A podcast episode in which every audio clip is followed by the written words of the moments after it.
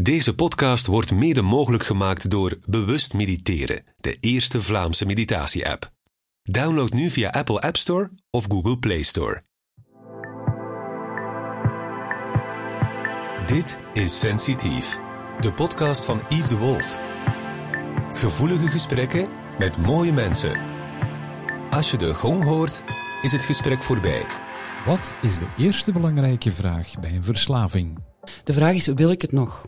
Evie Hendricks, actrice, spreker, trainer, mentor, coach, podcaster van Alcoholalarm en nog zoveel meer. Zij is een voorvechter voor het bewustzijn van en het doorbreken van het stigma rond alcoholverslaving. Heel knap hoe ze in deze aflevering openhartig getuigt over haar eigen ervaring. Want haar verhaal is een belangrijke boodschap voor iedereen die worstelt met een verslaving. Ze is het levende bewijs dat herstel mogelijk is, ook als het moeilijk is. Ze vertelde me over hoe ze op jonge leeftijd begon met drinken Mijn drinkerscarrière duurt al van mijn 12 jaar. en hoe haar verslaving zich in de loop der jaren ontwikkelde. Als je elke dag thuis drinkt, Of het soms problematisch was. ik begon en ik kon niet meer stoppen. Een van de grote problemen met alcohol is. Is gewoon een drugs die sociaal aanvaardbaar is. Luister met respect naar het verhaal van Evie Hendricks. Dit is Sensitief. Gevoelige gesprekken met mooie mensen.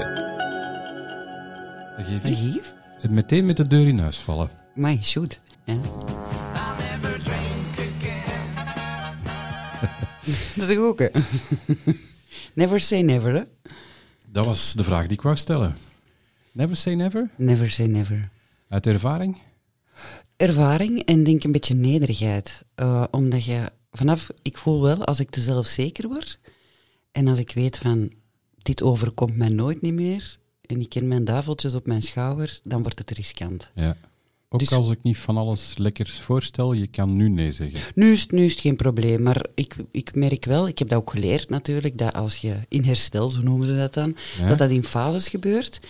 En eh, de roze wolk, wanneer alles floot en is lekker, dan wordt het na een tijdje wel gevaarlijk, want dan is er ineens patat, die wall, zoals ze dat noemen. Ja?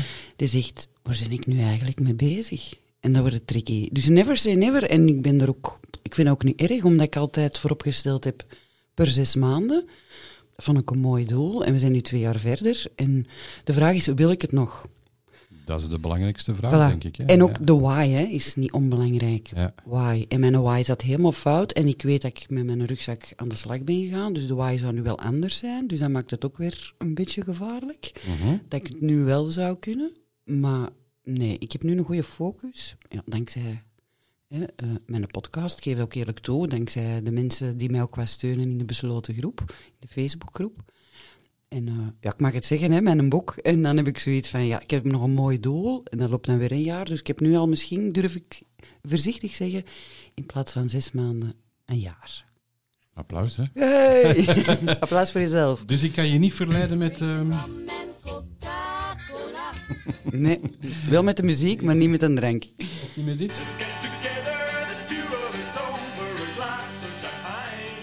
Nee, ik vind het geweldig. Ik vind het geweldig. Nee, nee. Ik wist dat je van muziek hield, hè? Tequila. Ja, ja, tequila. Oh, ik heb het allemaal gedronken, hè? Ja, dit ook? Hoeveel liters? ik heb alles gedronken. Ja. Want tequila, ik ken een tequila suicide. Eh, nee, maar ik Dan moet je dat maar eens op dat tweede gedeelte van, van de omschrijving, suicide. Zoek het maar eens op. ja, ja. Nee, waarom, waarom dat ik het vraag is omdat... ehm, er wordt heel vaak gezegd, bijvoorbeeld mensen die stoppen met roken. Ja, je moet respect hebben voor die mensen, dan, dan moet je zelf ook stoppen met, met, roken. Vind je het moeilijk als jouw omgeving nog wel drinkt? Nee, want ik ben absoluut, en hoe raar dat, dat ook mag klinken, ik weet wat het eh, met mijn lichaam doet, ik weet wat het met mijn omgeving doet. Ik heb het langs alle kanten ervaren, ik ben een partner eraan verloren. Eh, mijn papa drinkt nog steeds problematisch, dus dat is best wel heftig. Maar ehm, ik, blijf, ik ben niet zo'n alcoholgoeroe die zegt, eh, ik, het- ik heb het te graag gezien, om te beginnen al. En ja, ehm, ik heb het zo graag gezien dat het problematisch werd. Maar ik ben ook niet zo iemand, hè, zo mensen die stoppen met roken en dan ineens is dat dat stinkt en dat moet weg. En ik ben er ook realistisch in. Het heeft mij ook heel veel fijne momenten bezorgd. Het was een, uh, soms ook een heel sociaal bindmiddel voor mezelf. En ik heb ook altijd genoten van een goed glas wijn. Dus ik ben ook niet zo van, uh, het moet nu weg, jij mag niet drinken, ieder moet dat voor zichzelf beslissen. En ik beslis nu voor mezelf, het was even niet oké en dan blok erop. Ja. Wanneer had je door dat je verslaafd was? Of wanneer ben je verslaafd? Ja, dat is een vraag die ik wel regelmatig krijg. Hè. Wanneer is het problematisch? Uh, mensen, ik ook, kan eerlijk zijn, ik vond niet van mezelf dat ik een problematische drinker was. Nu, door op onderzoek te gaan, uh, ik dronk uh, in een cultuur, zoals ze dat zeggen, van de theaterwereld. En ik dacht, dat is alleen daar. Maar elke cultuur heeft wel een drinkcultuur. En ik dronk dan alleen, donderdag na de voorstelling, vrijdag, zaterdag, zondag. En in de week dronk ik niet. En ik vond dat ook niet problematisch, want pas na elf uur begon ik te drinken. Maar kon dan ook niet stoppen. Eigenlijk was ik dan een beetje een sociale binge-drinker. En dat had ik toen niet door, want ik vond dat totaal niet problematisch. Nu weet ik dat je als je vier, vijf glazen wegkapt op twee uur tijd, dat dat problematisch is. Mhm. Dus ik denk dat iedereen dat voor zichzelf ook wel weet. Um, de mommy wine cultuur, die zo wat met een hippe trend nu wordt genoemd. S'avonds, de kinderen liggen in bed, keihard gewerkt, um, van hier naar daar gekrost. Ik heb dat verdiend. Een wijntje.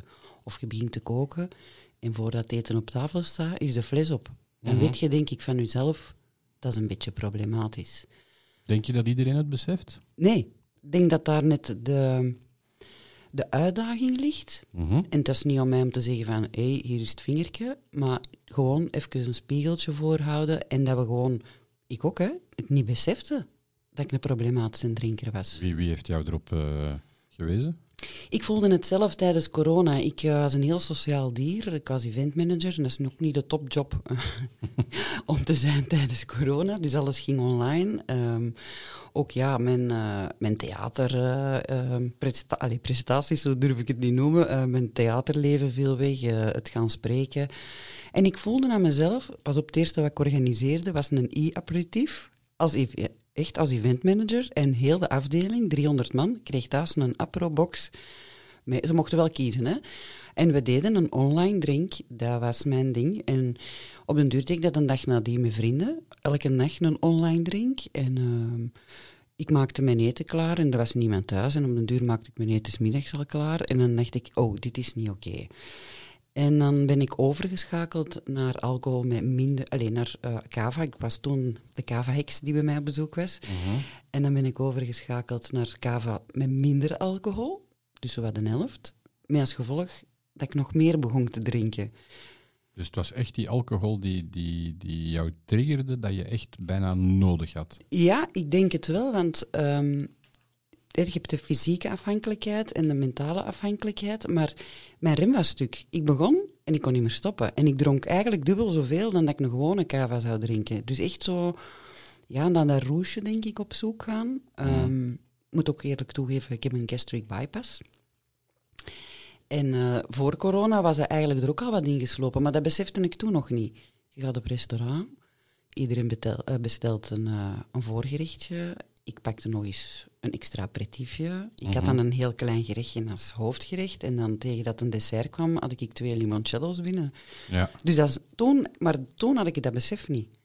Het is pas door het in kaart te brengen als het problematisch werd en erbij stil te staan en te stoppen, dan pas, dat ik het eigenlijk besefte. Ben je onder druk van, van je omgeving moeten stoppen of heb je zelf de beslissing genomen? Ik heb zelf de beslissing genomen. Ik had een boek gelezen. Ik denk, oh, dat gaan we weer even doen. Dat was heel herkenbaar. Kom aan, hup, we vliegen erop. En zo na een maand, die omgeving zei ook niet proficiat of goed gedaan. Dus ik was een beetje op zoek naar bevestigingsrang. Ja. En ik heb mijn eigen dan beloond om te drinken, omdat ik een maand niet gestopt ben. Dus ik, ik uh, ondersteun heel hard de bewustwordingsmaanden, Dry January bijvoorbeeld, en Tournee Mineral. Maar ik vind het altijd zo jammer. Mensen drinken dan een maand niet. En hoe vieren ze dat dan? Door te drinken. Ja. ja. Ik, het, het, verbaast me eigenlijk. Um, eh, ja, je weet ook dat ik een, uh, een praktijk heb. Um, ik werk enkel op het onderbewuste. Het is ook de eerste keer dat ik een podcast een klein beetje heb voorbereid met vragen, omdat we, denk ik, toch wel ook een beetje naar, naar wat er zichtbaar is. Want het is heel vaak niet zichtbaar. Um, we zullen het straks over dat onderbewuste hebben. maar als ik mensen begeleid met een verslaving, gaat het enkel over het onderbewuste. Maar voor mij is het nul tolerantie. Hoe reageer je daarop? Ik kan mij er helemaal in volgen. In mijn praktijk krijg ik beide vragen en ik ben daar heel resoluut in. Ik zeg altijd, het is uw keuze. Ik ga dat niet opdringen. Als jij zegt, ik wil leren minder drinken, ja, dat is uw keuze. Ik ga nooit niet zeggen, ja, je moet stoppen. Want dat werkt niet. Als je tegen mij zegt, het moet, ja, dat ga ik doen. Ik ga het zeker doen. Ja. Maar eh, ik snap u, eh, ik zeg dat ook, want uw lichaam, ook, eh, dat moet detoxen, je moet daardoor. Je kunt pas echt zeggen wat het is als je lange tijd niet nuchter bent. En dan bedoel ik niet een maand, eigenlijk na een jaar, de fucking first time, zoals Ja. ze dat zeggen. eh, van uh, Brené Brown heeft dat ook eens gezegd. Maar ehm, je moet alles voor de eerste keer ervaren. De eerste keer een barbecue, de eerste keer verjaardag, de eerste keer. En dan pas kan je eigenlijk beslissen of dat je. En kan je echt zeggen nee tegen een glas of ik ga minderen. Dus ik ben zelf daar voorstander van. Maar nogmaals, ik dring niemand niet op als iemand zegt. Ik heb er met mijn man discussie over gehad. Die zei ook van ja. Dan ga je mensen aanzetten tot drinken. Hè? Ik zeg nee, als die 365 dagen drinken en die komen bij mij en die kiezen om nog maar 100 dagen te drinken, ja, dan ben ik ook in mijn missie geslaagd. Maar dat is een keuze van de persoon zelf. Ik heb er weinig hè, en niet iedereen kan dat. Hè. Als je echt een zware afhankelijk, want er zijn ook wel vermeldenswaardig, er zijn veel gradaties. Dat maakt het ook moeilijk. Je hebt de heel zwaar afhankelijke. Ik moet ook mensen doorverwijzen. Elke goede hulpverlener moet doorverwijzen. Sommige mensen kan ik hè, als mentor of als coach niet bijstaan. Moet ik zeggen, ja, je moet echt in opname of je moet... Dus het hangt ook een beetje af, ja, hoe ver staat je, Iedereen eh, is anders. Iedereen is anders, ja. Ja. Ja, want ik vind het heel mooi dat, dat je op, op bewustzijnsvlak dat je mensen begeleidt, maar de oplossing zit natuurlijk in het onderbewuste. Dat is heel moeilijk om te accepteren, laat staan dat mensen weten dat er een bewuste en een onderbewuste is. Hè, want, want ik was een tijdje geleden te gast in jouw podcast. Fantastische Eh, reacties op gekregen daar, dat was Ja, eh, goed. eh, Wat heel fijn was. En, en, en ik heb toen ook gezegd, en, en ik weet dat het geen populaire uitspraak is, mensen die op wilskracht stoppen met, met, met drinken of andere verslavingen, want daar gaan we het straks over hebben, is, eh, verdient uiteraard een applaus. Maar die mensen gaan puur enkel en alleen op wilskracht, en, en dan kom ik bij die gastric bypass, de, de verslaving gaat zich verleggen. Want ik heb jou toen ook gezegd dat ik een, een magering heb en dat ik hem er eigenlijk liever uit wil. De verslaving gaat zich verplaatsen. Niks zo fantastisch om het dan meteen aan de oorzaak aan te pakken. Maar ik denk, alcoholverslaving is zo zichtbaar, ehm, is voor mij zo problematisch in deze samenleving. Ik merk, ik, ik krijg weer. Als ik hoor ook van, van vrienden hoeveel jongeren momenteel problematisch drinken. Het is ongelooflijk. En het wordt ook als sociaal aanvaard. Het- je wordt bijna als, als, als zombie bekeken als je niet drinkt. Ja, dat is natuurlijk heel ja, het moeilijke in het verhaal. Hè. Ik zeg altijd, stel je voor dat alcohol nu pas ontdekt zou worden. Zou het nog op de markt komen? Nee. Nee. In het begin van mijn traject hoorde ik heel vaak, alcohol is een drug. En dan dacht ik zo, hoe overroepen is dat? Maar ze hebben gelijk. Ik heb dat moeten ontdekken door eh, op onderzoek te gaan. Het is gewoon een drugs die sociaal aanvaardbaar is. En bij de jongeren, dat klopt helemaal wat je zegt. Ehm, ik merk daar twee soorten jongeren ook in. Ofwel Ja. hebben ze thuis problematisch meegemaakt en keren ze zich daar helemaal tegen. Ofwel gaan ze helemaal mee in dat alcoholverhaal. En dat predrinken, dat is nu helemaal in. Hè, dat ze vooraf samenkomen, feestje. Die gaan hun echt al indrinken om voor ze naar een feestje gaan. En dan denk ik, ja, maar eigenlijk deden we dat vroeger ook. Want die discotheken, om laat ging dat open om 12 uur. Eigenlijk deden we dat ook een beetje. Maar nu is het echt drinken om te drinken. Echt om erbij neer te vallen, bij, bij manier van spreken. En ja, dat sociaal aanvaardbare, dat is net het, het crazy verhaal aan alles. Hè. Eh, ik werd vroeger veroordeeld omdat ik wel eens een jointje smoorde. Dan was ik een drugsverslaafde. Maar als ik zie hoe dat mensen soms potto in mijn oor staan te lullen, dan denk ik, ja, jij wordt wel degene die mij vroeger veroordeelde en je moet hier niet zien staan, omdat ik dat door een nuchtere bril kan zien. En dan, ja, dat maakt het altijd natuurlijk... eh, Maar op een bepaald moment moeten er toch maatregelen genomen worden. Ik denk, allez, ik hoop het een beetje, ehm, dat daar toch je merkt het wel. Hè. Er is uh, vroeger, bijvoorbeeld met de sigaretten. Hè. We vroeger een sigaretje roken op restaurant. Dat kwam ook. Ja, die chirurgen die kwamen ineens naar buiten. Zeg, longkanker, dit, dat, staan nu op de pakjes sigaretten. En nu met mondjesmaat zie ik toch regelmatig al eens een professor in de krant staan die zegt, hela, want de terugslag van corona, ik heb een artikel gelezen, denk Ierland of Engeland, um, ja, die levers, die terugslag en die verslavingen, dat, gaan we, dat zien we nu nog niet. Dat is binnen vijf of binnen tien jaar. Wat die alcohol... Want de alcoholverkopen is toen enorm gestegen. Als ik nog factsheets zie van de VAT, het Vlaams Expertisecentrum voor Alcohol en Drug, ja, die zeggen daar zelf bij, ja, de cijfers zijn een beetje vertekend doordat die corona daartussen zit. Maar de gevolgen daarvan op lichamelijk vlak, ja, die gaan wij nog ik vind dat gek dat men zegt, de, het is vertekend. Ik bedoel, dat is de samenleving. Het, het gaat niet over de cijfers, over het resultaat. Het gaat om wat er is, wat er gebeurt. Um, ik werk ook nog af en toe in media. Ik vind dat de media er ook een enorme belangrijke rol in heeft. Um, ik vond, vond heel uh, mooi, met, met, een heel goede vriendin, uh, een arts, um, waren we bezig over de serie Knokken. Knokken of. Hè. ik vind het een heel mooie serie.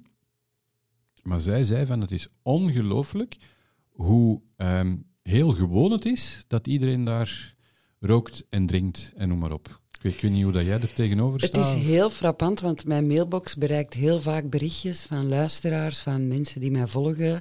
Gisteren trouwens nog. Zeg, uh, er is een nieuw programma en uh, ze hebben daar een, ik weet het niet, ik denk... Uh, dat ze er in de koude zo zitten en ze hebben er een of andere berg bereikt. Allee, ik weet niet, ze hebben er een prestatie gedaan. En wat doet die leider? Proficiat, hier is alcohol op tv. In thuis, whatever. Ik krijg constant van die berichtjes van mensen, uh, ja, zien nu naar FC de kampioenen, de dagschotel. Ja. En natuurlijk is dat uitvergroot. Maar ja, dat is een beetje het beeld van onze maatschappij. Het is er ook. Dus om nu op tv het weg te halen, het, ja, het geeft gewoon een beeld van hoe onze samenleving is. Maar langs de andere kant, inderdaad, de media zou wel kunnen zeggen, we gaan niet zoveel, want het, het valt echt op. Hè. Als je niet drinkt, valt het eens zo hard op hoeveel er op televisie alcohol gedronken worden, wordt. Het dus wordt als normaal aanzien, hè? Hier zijn we weer hetzelfde verhaal. Hè. Het wordt zo, als we dat blijven normaal vinden, ja, dan gaat er nooit niks uh, veranderen. Hè. Ja. En de gevolgen zijn desastreus, hè. dat is onvoorstelbaar. Ja. Um, het wordt ook heel vaak ontkend. Hè. Um, kan je een stukje laten horen dat ik gevonden heb um, over, over ontkenning?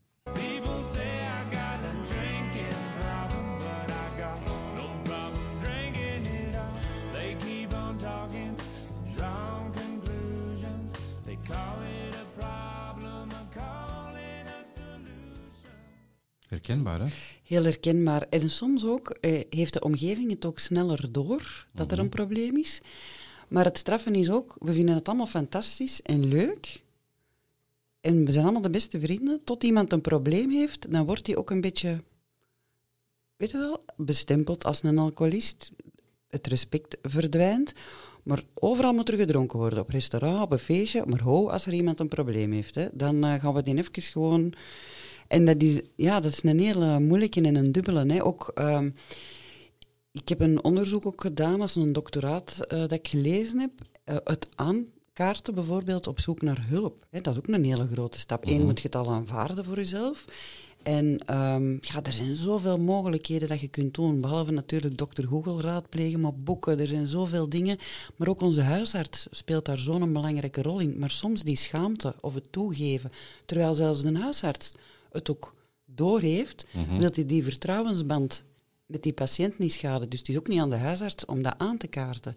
Zelfs de omgeving, als die dat merkt, ah, ik heb iemand, hè, mijn partner bijvoorbeeld, soms is die schaamte, en dat is een groot uh, issue bij verslavingen, dat is de schaamte daaromtrent.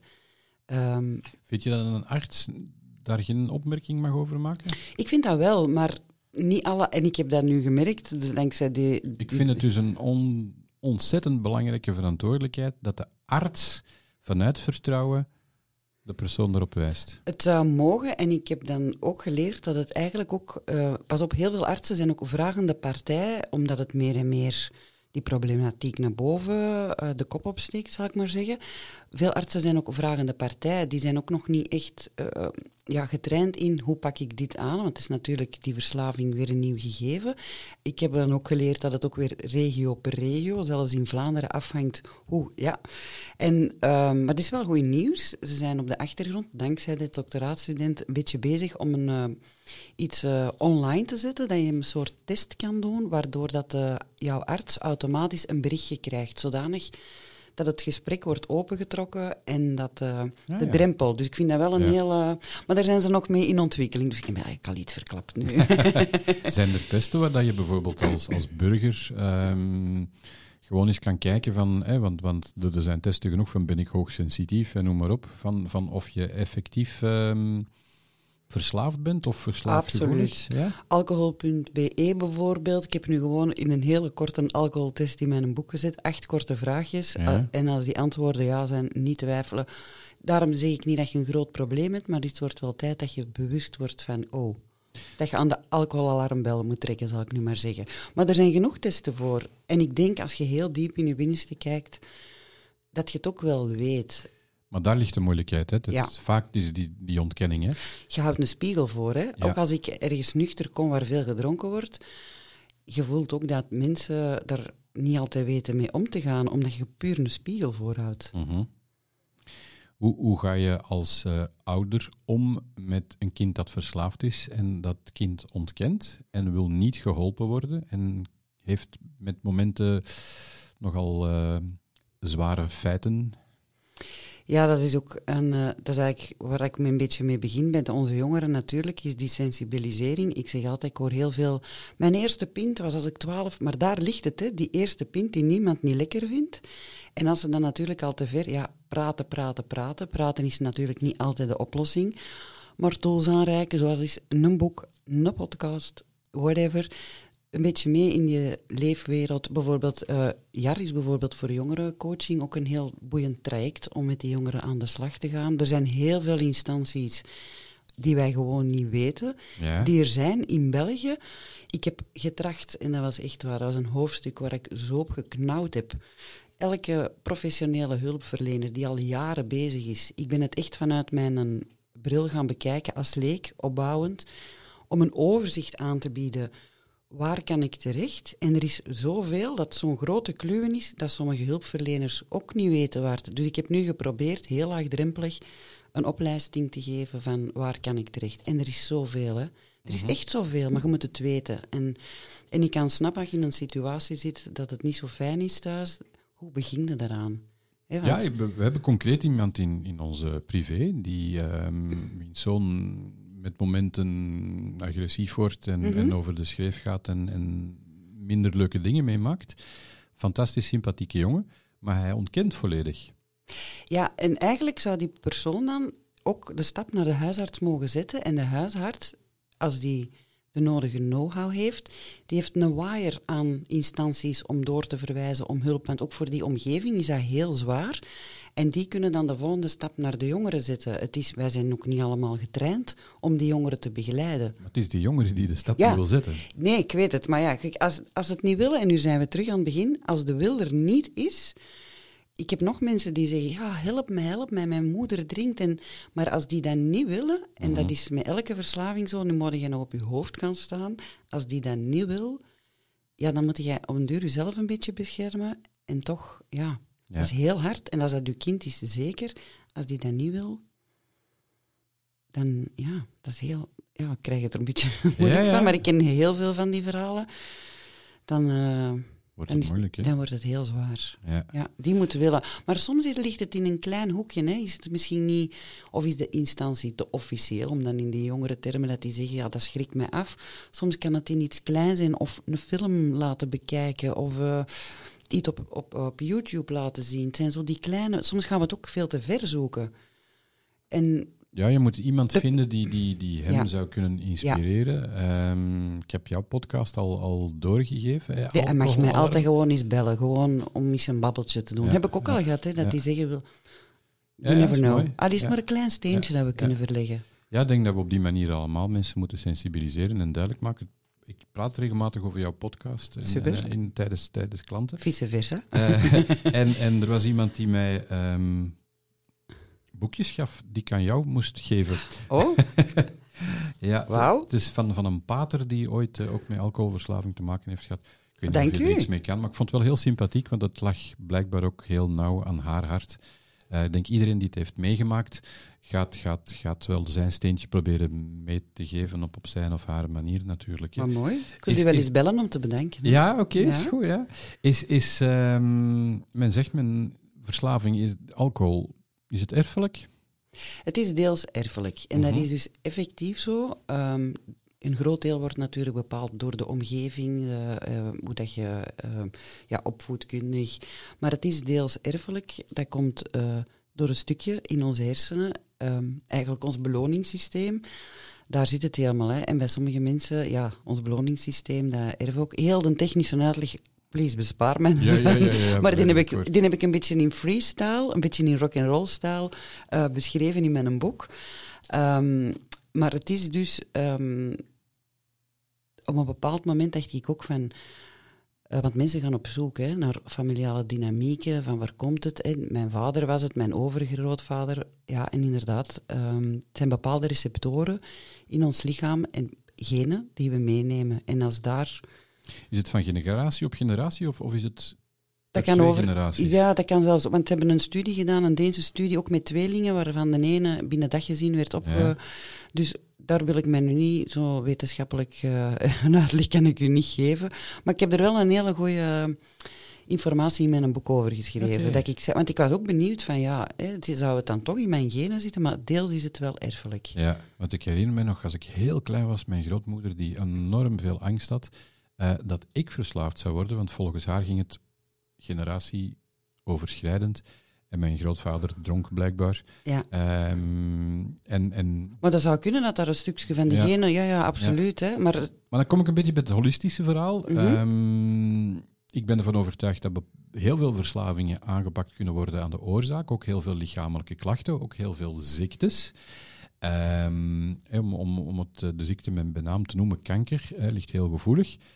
Ik ben ervan overtuigd dat, dat het niet enkel erfelijk is, maar dat die ziekte, die erfelijkheid, ook gewoon ontstaat door de conditionering van de mensen.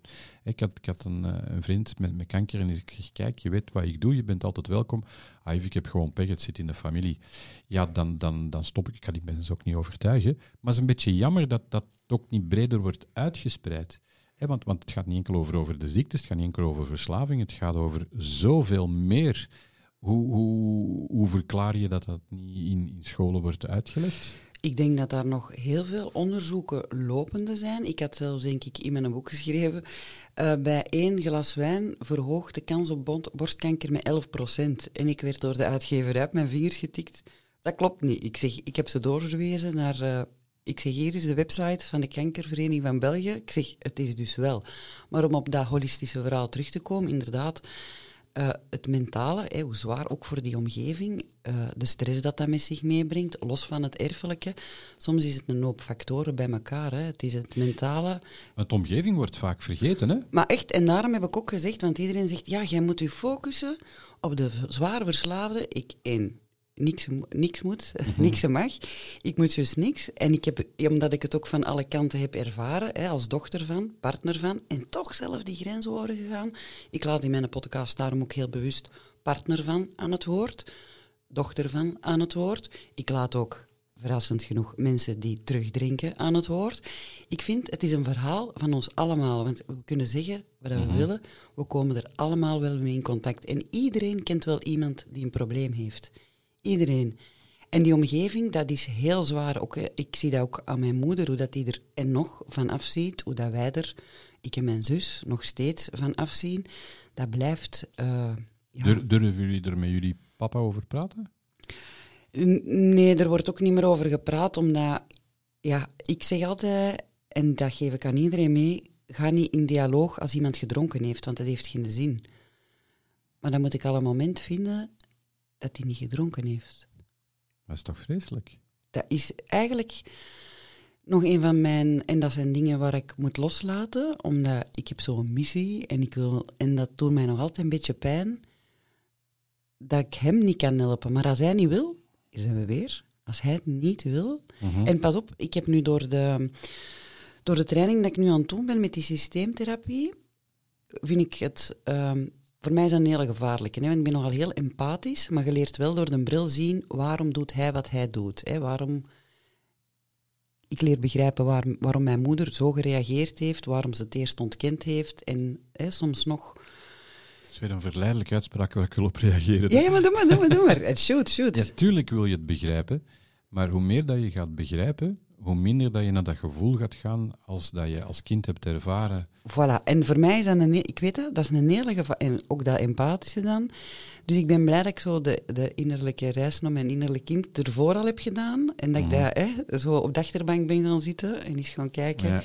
Wie is ons even hier? Hè? En af en toe de handschoenkastje heb opengetrokken om de zakdoekjes te pakken. Ja. Dus ik ben blij dat ik die fase al doorstaan heb. Maar ja, het boeit mij om er meer over te weten. En pas op, ik kan het, ik kan het plaatsen. Hè. Mijn papa is mijn held, dat is een brandweermanheld. Ook weer een cultuur waar dat er veel gedronken werd. En die mens heeft verschrikkelijke dingen, maar die hebben toen niet geleerd om te leren praten. Er was ook geen psychologische bijstand. En hij heeft een paar manschappen verloren. En zoals ik het ook beschrijf nu, ik heb nu... eh, in mijn podcast is het vooral mijn nuchter verhaal, maar ik ben echt in mijn alcoholgeschiedenis gaan graven voor mijn boek van waar komt dat. Ehm, ik ben toen, als hij zijn manschappen verloren is, ben ik mijn papa verloren aan een alcohol. De vraag is of jouw papa zichzelf ooit heeft geaccepteerd en kent. Hij heeft zichzelf verloren, heeft zichzelf nooit gevonden. Voilà. Ja. En ik zie dat ook, want dat, dat was vroeger, pas op, hè, dat was een topmannetje. Dat was de knapste man van België. Als ik er foto's van laat zien, dat was ook een held. Als heel Hemixem onder water stond, ging hij heel... En ik stond met mijn moeder te scheppen, maar die, die beseft niet wie hij is, wat hij gedaan heeft. Hij kent zijn eigen waarde niet. En grenzen. En grenzen. Mhm. Nee, Ja. totaal niet. Zijn ook thema's in, in, in de nijtherapie, verantwoordelijkheidsgevoel bijvoorbeeld, Ja. schuldgevoel. Ehm dan merk je denk ik ook in de omgeving dat heel veel mensen zich afvragen van wat kan ik nog meer doen om, om die persoon te helpen die niet wil geholpen worden. Maar het antwoord is gewoon niks. Ik kom ook op het verhaal van de jongeren. Hè. Als die Mhm. niet wil, ik mag nog 10.000 podcasten maken. Ik mag nog 100 boeken schrijven. Ik mag hier nog. Ja. Eh, maar ik hou dat bewust, want ik vertel het nu. Ik, iedereen weet dat. Ik ga ook niet de tafereelen. Het gaat ook niet daarover. Maar ik wil gewoon maar aantonen. Ik begrijp wat het is om langs een andere kant te staan. Want ik heb heel veel. eh, ik zeg altijd. eh, mijn ouders zijn helden op hun manier. En die maken warriors. Voilà. Ik heb er heel veel eh, uit geleerd. En ik ben niet zo iemand, boek, ik zou dat kunnen doen. Hè. Ik zou dikke boeken kunnen schrijven. Maar zijn we niet allemaal een beetje te veel aan het overleven in plaats van te leven? Ja, absoluut. En dat wil ik niet. En ik wil niet, want ik herkende van mezelf, ik begon systemen over te pakken, hoe mijn moeder in, in de wereld staat. En, hoe, en ik dacht, nee, dat ben ik ik niet. Dat ben Patronen, ik niet. Patronen, patronen. ja, ja. Dat, stoppen met drinken is ook patronen doorbreken. Hè? Maar wow, ook dat. En ik dacht, nee. Ik, ik heb ook geleerd mijn verantwoordelijkheid. Hè? Want je kunt wel zeggen, ja, dat is mij overkomen. Maar welke rol en in hoever laat ik dat over mijn grenzen gaan? Vind ik enorm belangrijk, je eigen verantwoordelijkheid nemen. Ja. Hoe erg en, en dat het verhaal of, of de afkomst of, het, of, het, of wat er gezegd of gebeurd is geweest, met alle respect, dat heeft een invloed. Hè. Het is daarmee dat ik ook voor de eerste keer in, in, in deze podcast een beetje aan de oppervlakte blijf, ehm, zonder het denigrerend te, te Mhm. omschrijven, omdat het zo zichtbaar is. Ehm, en soms is het goed dat het zichtbaar wordt, want er is zoveel onzichtbaar gebleven. Ehm, voor mij is corona daar een ongelooflijk mooi voorbeeld van. De, al, alles kwam naar boven. Er waren lelijke dingen, maar er waren ook heel mooie dingen, maar je moest het wel willen zien. En het is echt die conditionering van die mensen. Durf in de spiegel kijken, durf, durf eh, het bespreekbaar maken, maar niet enkel erover spreken, er ook iets aan doen. Ben dat ik jouw initiatief fantastisch mooi vind. De podcast op zich is fantastisch. Ik ben ook eh, in, in de besloten Facebookgroep, waar ik niet actief aan deelneem, maar waar ik enorm van, van op afstand soms ehm, ja, na een zware werkdag echt wow, dat, dat ik geen zin meer heb om, om, om iets te zien, omdat het me zo binnenkomt. Wat schrijnende verhalen, maar wel hoe mooi dat er vanuit die onderstroom mensen die elkaar gaan helpen. Die kwetsbaarheid die ze met elkaar delen, dat is uh, ongelooflijk. Ik kreeg van de week nog de vraag, ja, waarom kan ik niet anoniem plaatsen? Kijk, dat, ik weet dat, dat is... Was een van mijn vragen. Ja, ja, dus, ik heb daar bewust voor gekozen, los daarvan dat ik wel meerdere Facebookgroepen beheer, die wel iets meer, uh, bijvoorbeeld met 20.000 leden, maar dit is, we zijn naar de 2000, maar dat is heel intensief. Hè. Je, mm-hmm. Maar om nog eens te zeggen, je mocht hier anoniem plaatsen, dat werkt niet in de zin, mensen voelen vaak een vrijgeleide van ik kan hier alles zeggen en doen wat ik wil, om te beginnen. Um, iedereen stelt zich kwetsbaar op in die groep. Dus ik wil dat ook niet uitsluiten. Ik heb ook een beetje een missie om dat taboe te doorbreken. Um, ik besef niet altijd, in de zin van, het is niet dat ik ermee naar buiten kom, iedereen zegt, ah, oh, mij, je hebt je kwetsbaar opgesteld. Maar ik denk daar niet over na. Dat is misschien mijn naïeve kantje en mijn school ook, want anders zou ik het misschien nooit niet gedaan hebben. En dan vind ik iedereen is gelijk en iedereen moet kunnen... Ja, en we hebben er ook een veilig gevoel. Uh, ze zeggen ook, zet die groep open. Want dan heb je meer volk. Maar daar gaat het niet om. Het gaat erom dat mensen hun eigen kwijt kunnen. En het is fantastisch. Het zijn er allemaal schatjes. Ik ben ook wel een beetje een strenge. Ik heb niet veel regels. Ik haat regels. Ga gewoon met respect met elkaar om. En hoe dat die elkaar opvangen en ondersteunen. En en dan is, krijg je nu weer kiekenboebelen van zo van, ah, ik heb vanavond een moeilijke avond en dan begint iedereen, probeert dit en dat. En dan dacht ik nadien, yes, het is gelukt, dat is. Moest er nu iemand luisteren en, en die zegt van, hé, hey, ze hebben mij nieuwsgierig gemaakt, hoe, hoe gaat het in zijn werk? Voor in die Facebookgroep te komen. En om, om, om eventueel bij jou te komen, ja, je gewoon mailen, de, maar, maar een proces. Iemand die zegt van, mm, Evie gaat me helpen. Evie gaat me helpen. Misschien luister ook al eens naar de podcast. Onze aflevering is trouwens ook een Nederlands of. Of ik ga googlen uh, en ik ga uh, naar mijn website, uh, eviehendricks.be. Of die zegt, ah, ik wil eens eerst aftasten in die besloten Facebookgroep. ik moet altijd wel iedereen aanvaarden en die kan dat er ook eens voelen. Maar mensen, ik ga wel te werk met een intakegesprek. mensen kunnen dat aanvragen via, via, mijn website, omdat ik het belangrijk vind.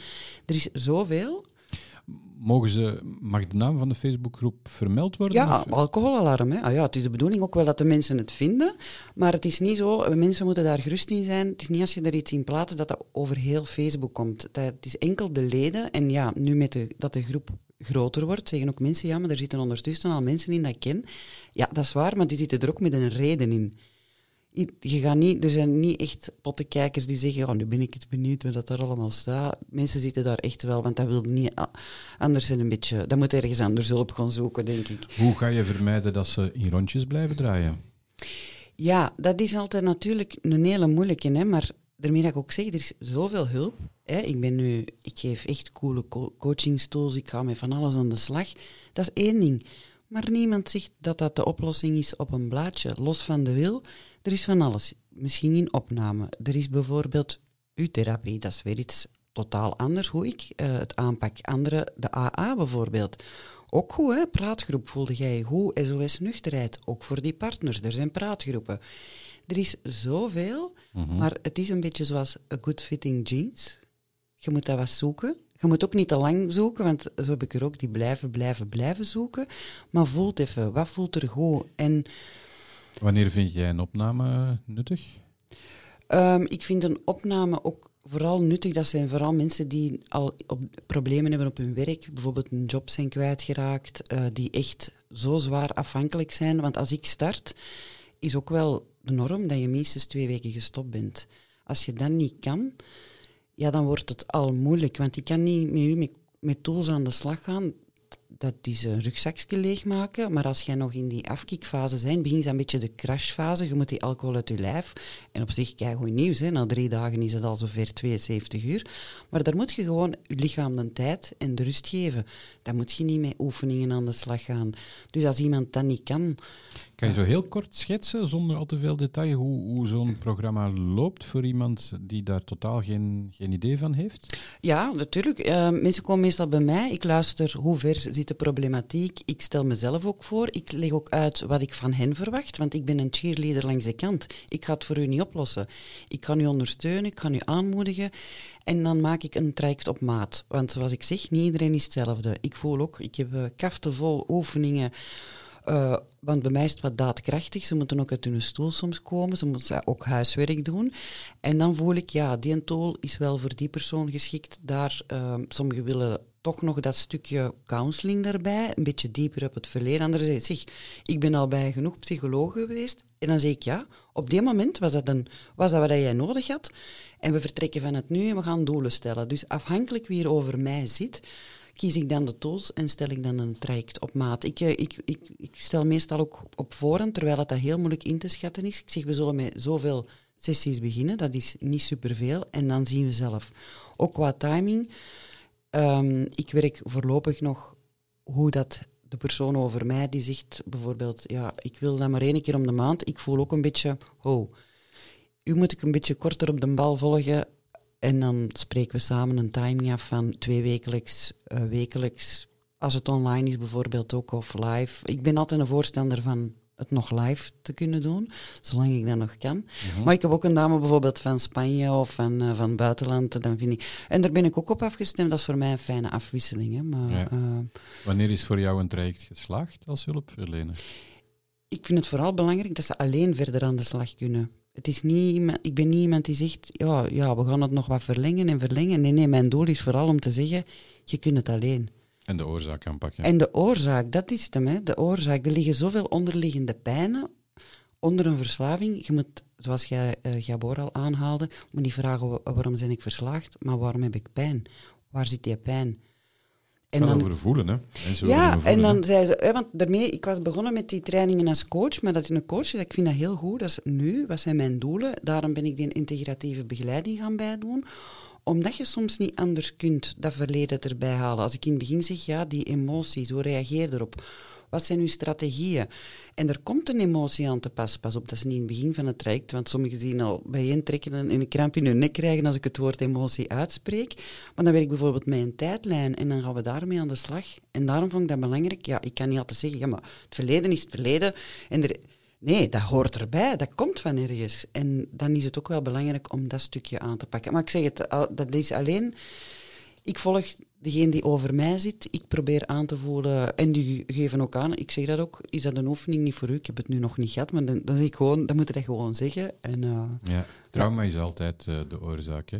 Zo, maar er is een enorm groot misverstand dat, dat men... Um, iets uh, lichamelijks moet meegemaakt hebben, uh, emotionele verwaarlozing, uh, een ouder, één ouder, geen ouders, adoptie, noem maar op. Hoe goed bedoeld ook, mhm.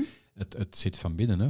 Ja, en want soms, ik heb ook mensen die zeggen, er zit niks. Ik voel wel dat er soms wel nog iets klein zit, of die het nog blijven wegstoppen. En dan zeg ik, oké, geen probleem. En die daar gewoon nog niet klaar voor zijn.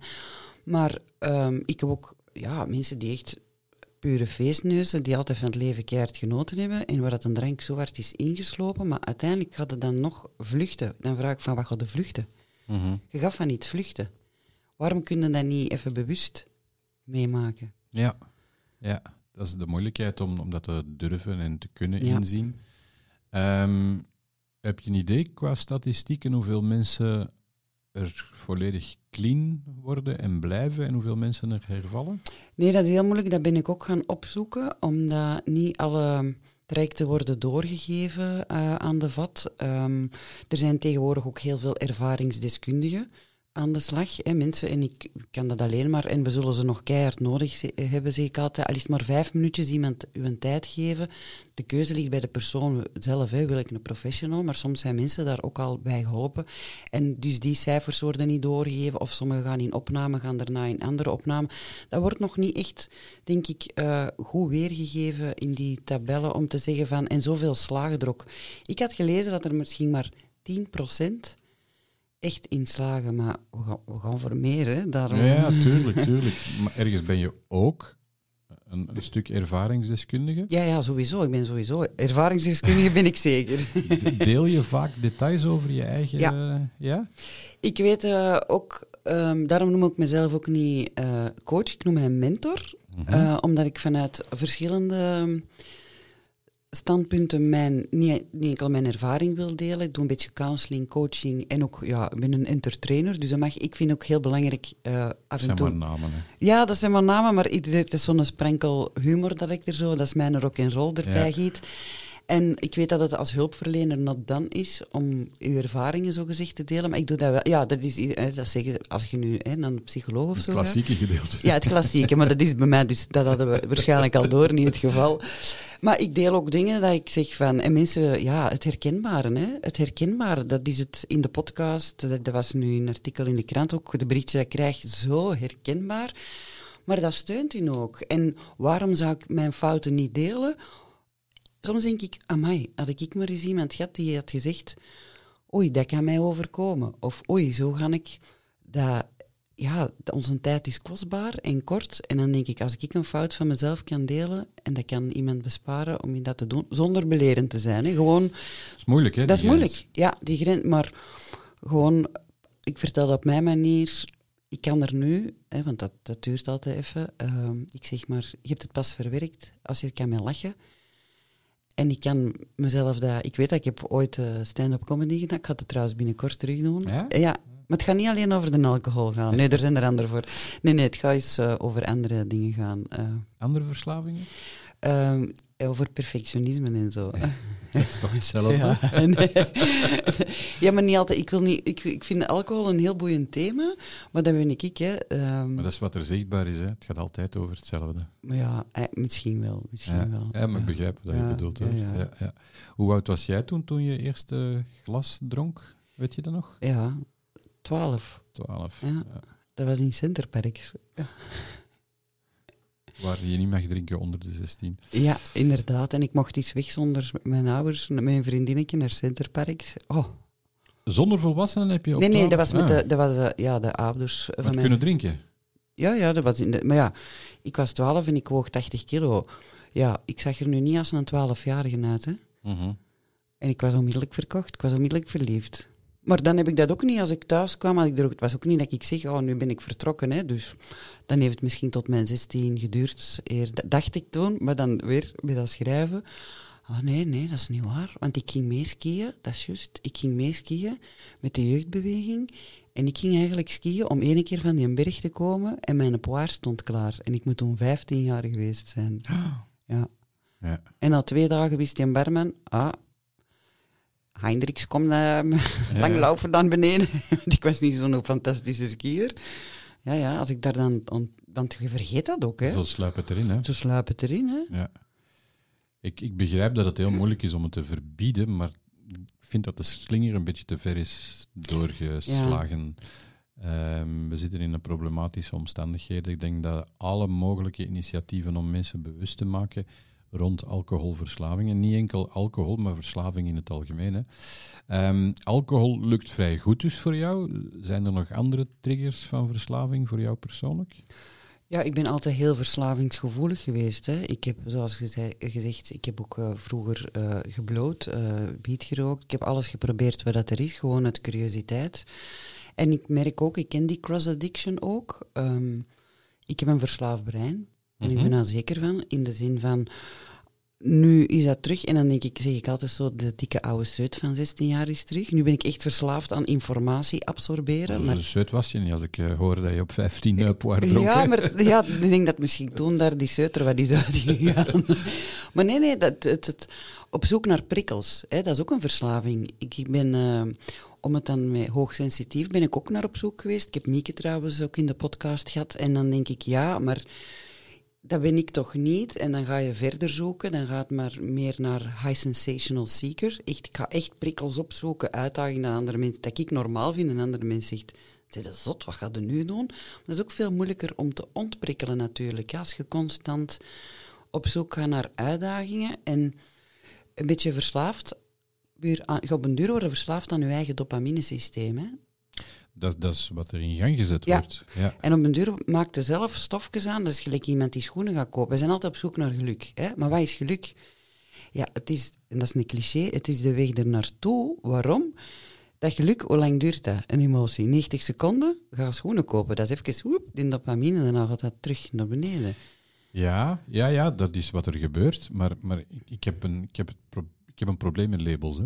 Ja, ja, ja. Maar, ik, maar ik heb mezelf, ik mag dat zeggen, Ja? ik heb mezelf zo veel labels gegeven om te kunnen zoeken, zo wat ligt eronder. En niet dat ik nu voor mezelf zou kunnen zeggen, nu zit ik op mijn label te zoeken, een beetje te surfen op ADHD, maar het zou mij wel helpen naar hoe ga ik er beter mee om. Bijvoorbeeld structuur, ik vond dat een verschrikkelijk woord, maar dat helpt wel mij in het dagdagelijkse leven. En ga ik mij er nu op testen? Ik zei gisteren nog tegen een vriendin, oh, ik ben toch aan het twijfelen of ik die een test. En die zei zo tegen mij, wat ga je testen? In welke gradatie dat je valt? Hoog, ik zal ik het u zeggen. Ja. maar moet je dat labelen? Nee, maar ik kan wel, als je op zoek gaat naar jezelf, dan wilt je antwoorden en je gaat dan beginnen labelen. En tegenwoordig zijn er zoveel labeltjes. En eigenlijk een beetje goed, want dat, die labels trekt wel het gespreksonderwerp open. Vroeger, als je naar Daar een psycholoog ja. ging, oei, dan werd je voor gek verklaard. Nu wordt er met termen gezwaaid van narcisme en gaslighting alsof het niks is. Maar dat maakt wel het veel bespreekbaarder. Mhm. Dus ik vind zo een... Ja. Snap je? Een, Ja, ik begrijp het volledig. maar ik Ehm, onderbreek u, hè, want je wou mij iets vragen, denk ik. Nee, het ging over, over, die, over die labels. Van, van, ik begrijp dat het bespreekbaar is. Er zijn kenmerken aan, aan, aan die labels. Maar het is, nou weer vanuit mijn bril bekeken natuurlijk, van hoe dat je er onbewust mee omgaat. Als er een label opgekleefd wordt, accepteer het. Wat ben je Ja. met een label als je het niet accepteert? Mhm. ja.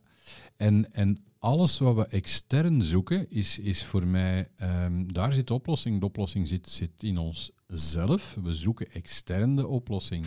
Of het nu over geluk, over liefde, of over bevrediging, of weet ik wat gaat.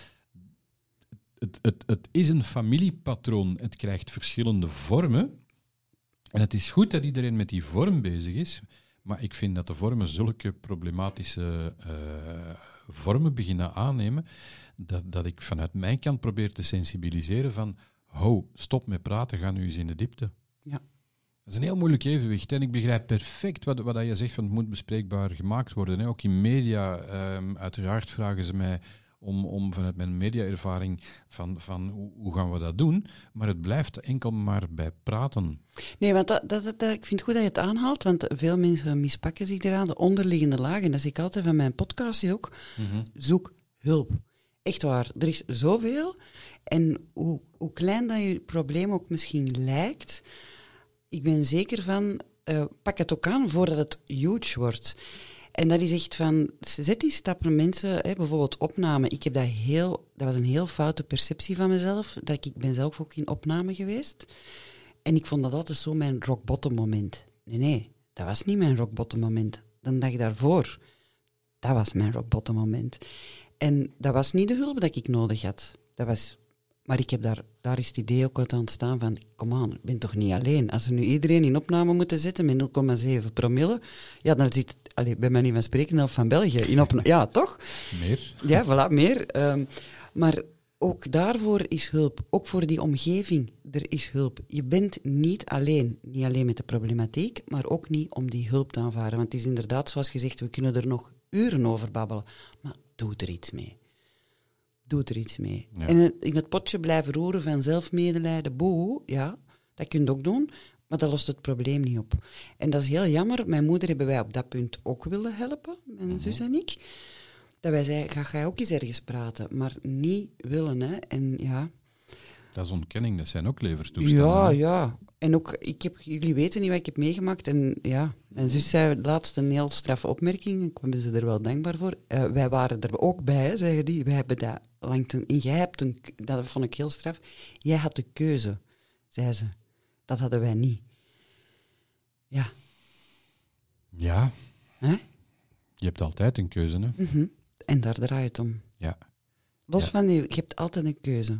ja. En, de, en, de, en dan denk ik, wat de- onze missie dan een beetje is, kiest dat je ook de stap zet om Ja. er iets mee te doen. Dat, dat thema is kies voor jezelf, niet vanuit egoïsme, integendeel, maar eerst zelf gaan kijken en dan ga je familiepatronen doorbreken.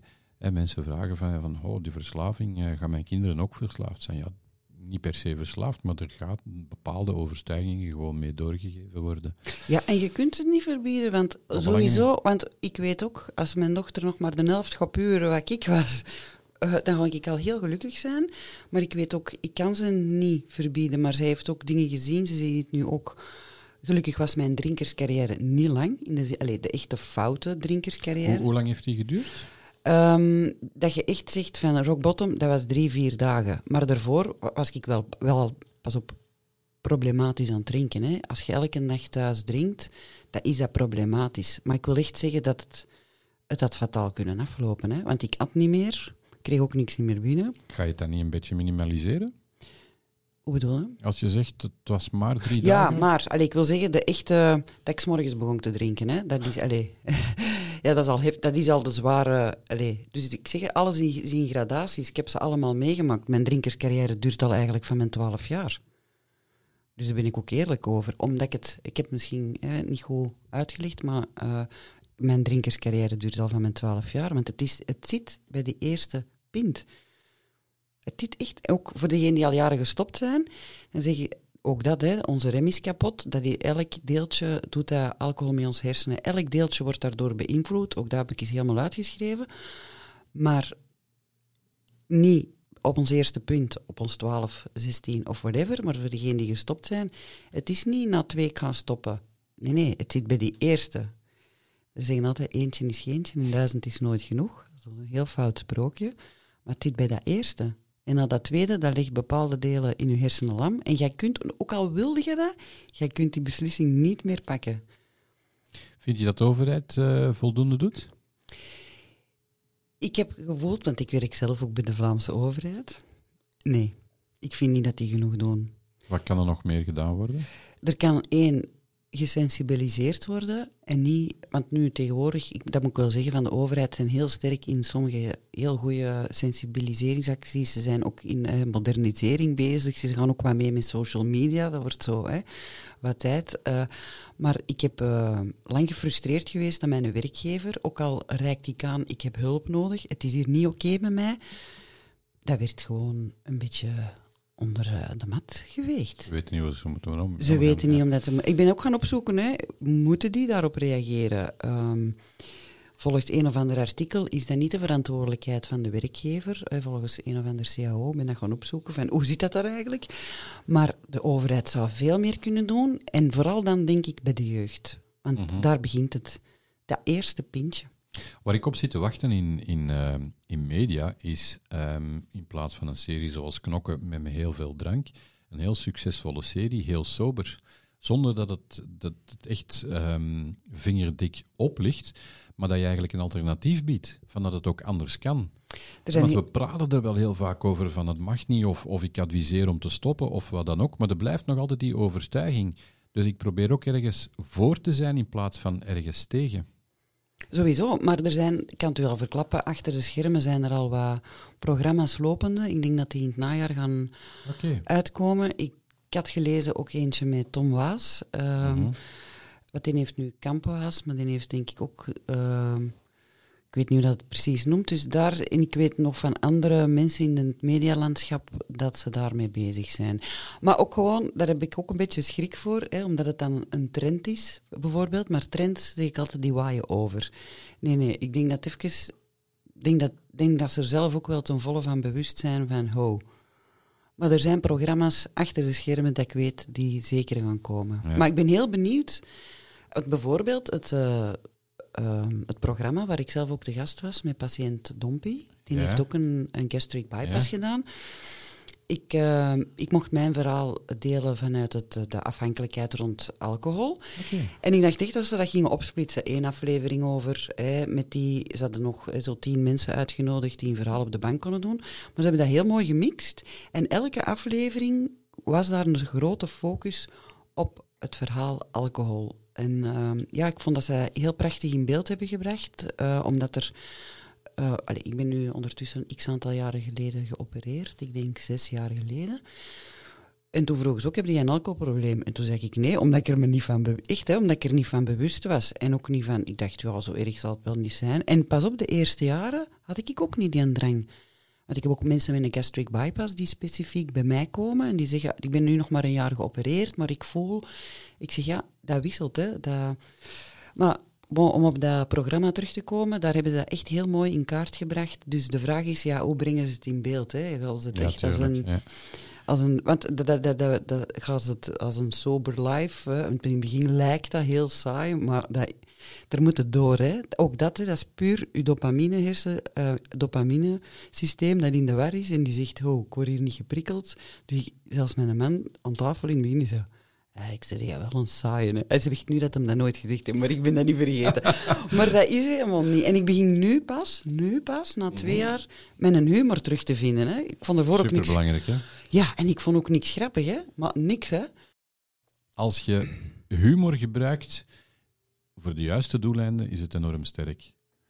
Soms wordt het gebruikt om, om iets weg te lachen.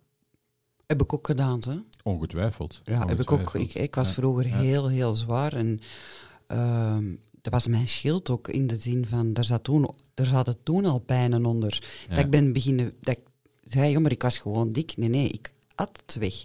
En mijn eten is verplaatst naar het drinken. Mhm. Ik ben ook nog altijd een roker, dus ik ben ook daar op dat punt.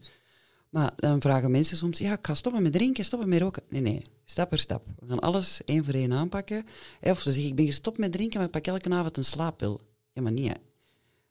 Dat, Mhm. dat, is, dat is het moeilijkste. Hè. Dan heb ik al heel dikwijls uw eh, app eh, aangeraden. Mediteren, want mensen zien dat vaak nog zo als hè, spiriwiri. Maar dat is gewoon inchecken bij jezelf, gewoon even. En dat moet niet s'avonds zijn, hè, maar dat is nog de grootste uitdaging bij mensen die stoppen met drinken. Dat is, hoe krijg ik alles stil in mijn hoofd? Ja.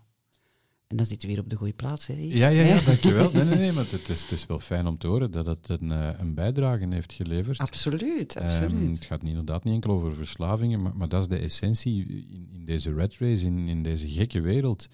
Ehm, en we zitten gewoon in, hier in gans Vlaanderen met, met een ongelooflijk eh, elektriciteitsveld. We, beïnvloeden, we manipuleren elkaar allemaal en er is niemand die nog van hout pijlen weet maken. Ehm dat is de reden waarom ik aan het pendelen ben tussen België en Spanje. Ik ga niet lopen van België, integendeel. Maar ik heb letterlijk de ademruimte nodig, ook, ook vanuit het werk uiteraard. Ik ben ook maar een mens die, die af en toe eens eh, afstand nodig heeft. Ehm, en ik heb alle respect voor mensen die die eh, kansen niet hebben. En daarmee vind ik het zo mooi, het initiatief wat je doet met, met, met, met de podcast. Dus ga nog even samenvatten. Hè. Dus je hebt, je hebt de podcast Alcoholalarm. Klopt. Hè, je hebt een hele mooie award mee gewonnen. Je hebt een ongelooflijk mooi bereik. Je gaat zelf ook in hulpverlening doen.